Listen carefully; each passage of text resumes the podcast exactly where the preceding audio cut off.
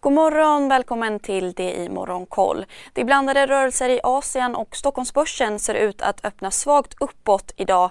I USA håller börserna helstängt under firandet av landets nationaldag. Marknaden väger fortsatt in risken för recession till följd av centralbankernas aggressiva räntehöjningar. Tokyobörsen lyfter 1% där elbolag är vinnare efter att Japan drabbats av en sällsynt värmebölja den senaste tiden och en av dagens stora vinnare är Tokyo Electric Power Company som lyfter 13 Även Shenzhen-börsen är upp 1% och Shanghai-börsen stärks en halv procent. Hongkong-börsen däremot backar svagt. Den kinesiska fastighetsutvecklaren Shimao har missat en obligationsbetalning på en miljard dollar. Det efter flera missade betalningar från fastighetsbolag i landet.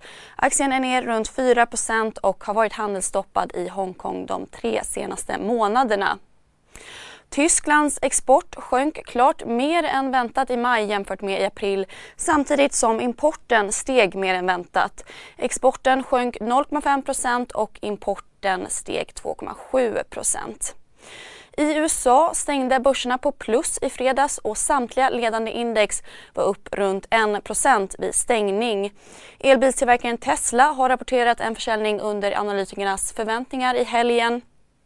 Försäljningen och produktionen uppgick till omkring 250 000 bilar för andra kvartalet 2022. Vidare rasade detaljhandelsbolaget Coles 20% i fredags efter att ha skruvat ner prognosen för det andra kvartalet till följd av dämpad köpvilja och stigande inflation. Och halvledarsektorn pressades efter att halvledarbolaget Micron Technology meddelat att de spår klart sämre försäljning av iPhones under året än väntat. CSRD, ännu en förkortning som väcker känslor hos företagare. Men lugn, våra rådgivare här på PWC har koll på det som din verksamhet berörs av. Från hållbarhetslösningar och nya regelverk till affärsutveckling och ansvarsfulla AI-strategier. Välkommen till PWC. Bolaget fick även en sänkt rekommendation av Bank of America. Så till Sverige där Socialdemokraterna var först ut i Almedalens politikervecka. Partiet ska gå till val på att helt förbjuda vinster i friskolorna och enligt statsminister Magdalena Andersson är det nu viktigt att alla eventuella kryphål täpps igen. Pensionsmyndigheten kräver Swedbank på 4 miljarder kronor gällande bankens roll som förvaringsinstitut för fonden Optimus High Yield mellan 2012 till 2015. Swedbank gör ingen reservering med anledning av kravet.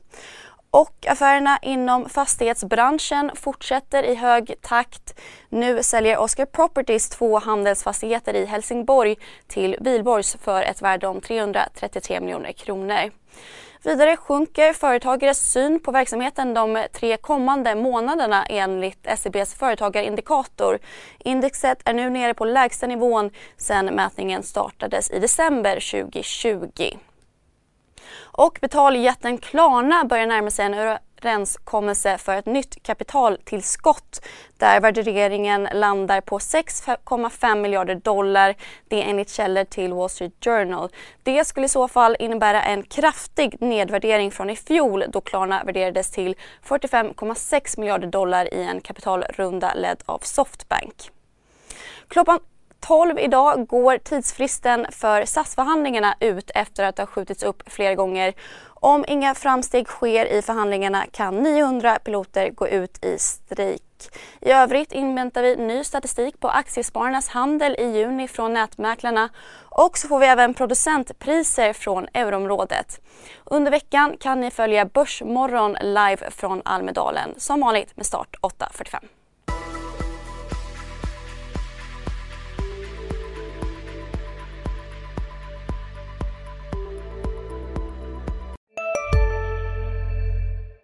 CSRD. Ännu en förkortning som väcker känslor hos företagare. Men lugn, våra rådgivare här på PWC har koll på det som din verksamhet berörs av. Från hållbarhetslösningar och nya regelverk till affärsutveckling och ansvarsfulla AI-strategier. Välkommen till PWC. Hej, Synoptik här. Så här års är det extra viktigt att du skyddar dina ögon mot solens skadliga strålar. Därför får du just nu 50% på ett par solglasögon i din styrka när du köper glasögon hos oss på Synoptik. Boka tid och läs mer på synoptik.se. Välkommen!